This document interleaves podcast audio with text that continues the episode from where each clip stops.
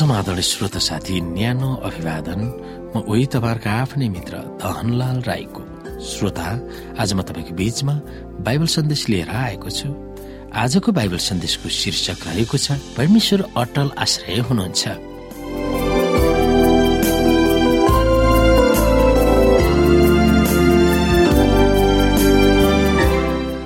श्रोत साथी परमेश्वरको सामु कुनै नलुकिएको भरोसा र प्रार्थनाको शक्ति र महत्वको बारेमा याकुबको अनुभवबाट हामीले केही कुराहरू सिक्न सक्छौँ। परमेश्वरमा आफ्नो जीवन पुरै भरोसा राख्नेहरूको निम्ति परमेश्वर अटल आश्रय हुनुहुन्छ भनेर भजन सङ्ग्रहका लेखकहरूले दिएका बयानहरूले हाम्रो आस्थालाई मजबुत पार्दछ। उहाँका शक्तिशाली बाहुबलमा हामी भर पर्यौँ भने उहाँले हाम्रो जीवनलाई सशक्त बनाउनुहुन्छ।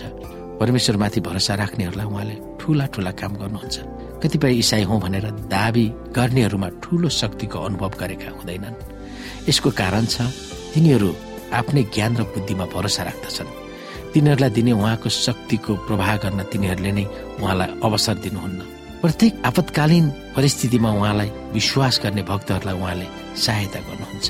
तर उहाँका बल पाउन तिनीहरूले आफ्नो पुरै भरोसा उहाँमाथि राख्नुपर्छ। र विश्वासिलो भएर उहाँका आदेशहरू पालन गर्नै पर्छ। यद्यपि कतिपय भजनहरूबाट हामी गम्भीर चुनौती पाउन सक्छौँ। त्यहाँ लेखिएका प्रतिज्ञाहरू र हाम्रो वर्तमान परिस्थितिसँग तालमेल नभएको हामी पाउँछौँ। यस्तो परिस्थितिमा परमेश्वरको भलाइमा भरोसा राख्न हामी सिक्नु पर्दछ।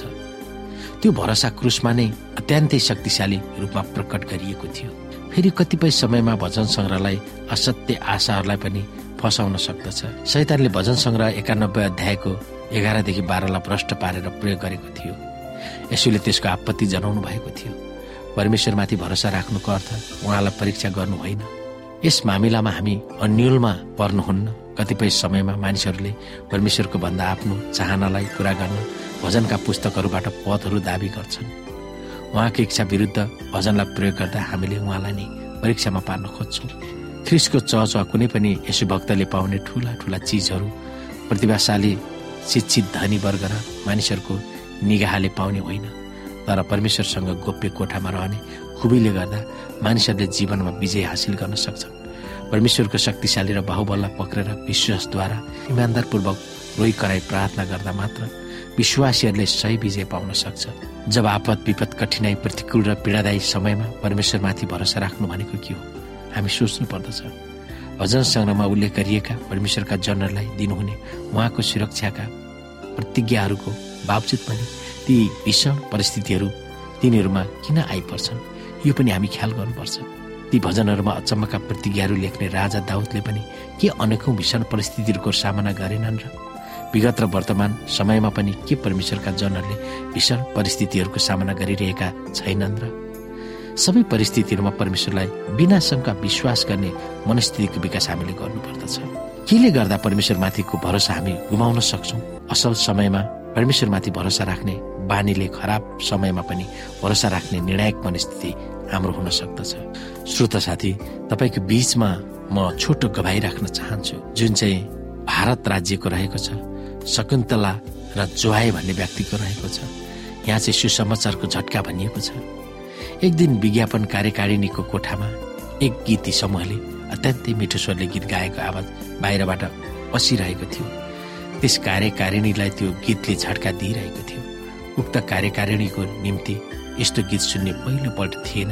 उनी भारतको बेङ्गलोर अर्थात् बेङ्गलोरको विज्ञापन एजेन्सीको अफिसमा काम गरिरहँदा सङ्गीत बजिरहन्थे सङ्गीत बजि नै रहन्थ्यो।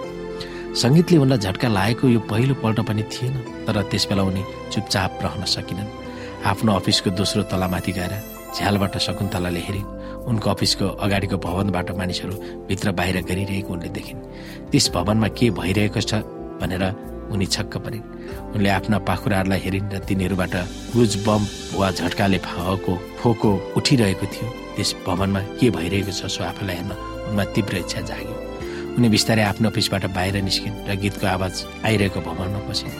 त्यस भवनमा पस्दा उनलाई असजिलो लागिरहेको थियो किनकि त्यहाँ उनले कसैलाई पनि चिनेको थिएन। भवनको ढोकाबाट पसेर के म आउन सक्छु र त्यहाँ के भइरहेको छ हेर्न सक्छु भनेर ढोकामा उभिएको एकजना मानिससँग उनले सोधिन्।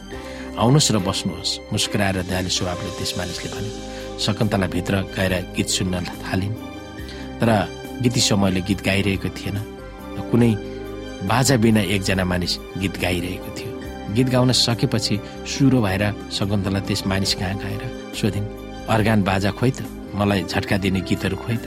त्यो सुनेर त्यो मानिस छक्क पर्यो शकुन्तलाले उनको अफिसबाट केही हप्तासम्म प्रत्येक शनिबार गीत गाइरहे गीत सुनिरहेकी थिइन्। त्यहाँ बजाइएको सङ्गीत र गीत केवल शनिबार मात्र गाइन्थ्यो वा बजाइन्थ्यो। त्यो भवन चर्च थियो।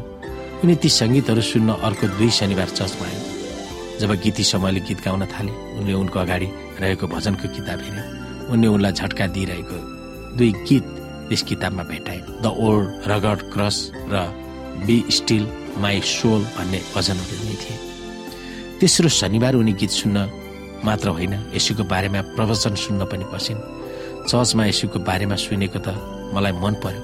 यसुको बारेमा मलाई मन परेकोले मेरो घरमा देवी देवताहरूको फोटो मैले किन राख्ने भनेर सोचे घर गएर उनको भित्तामा रहेका देवी देवताहरूका फोटाहरू झिकिन् र अरूलाई दिए।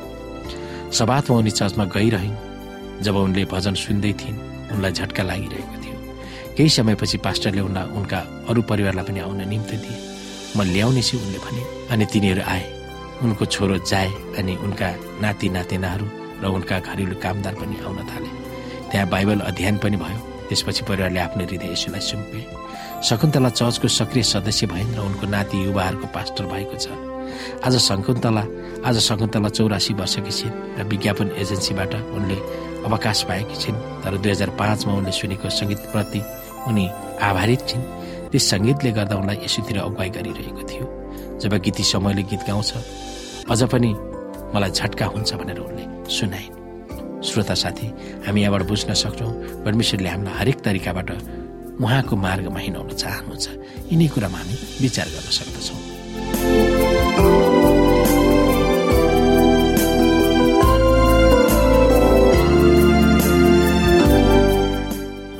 श्रोता साथी आजको लागि बाइबल सन्देश यति नै। हस्त नमस्ते जय मसिंह।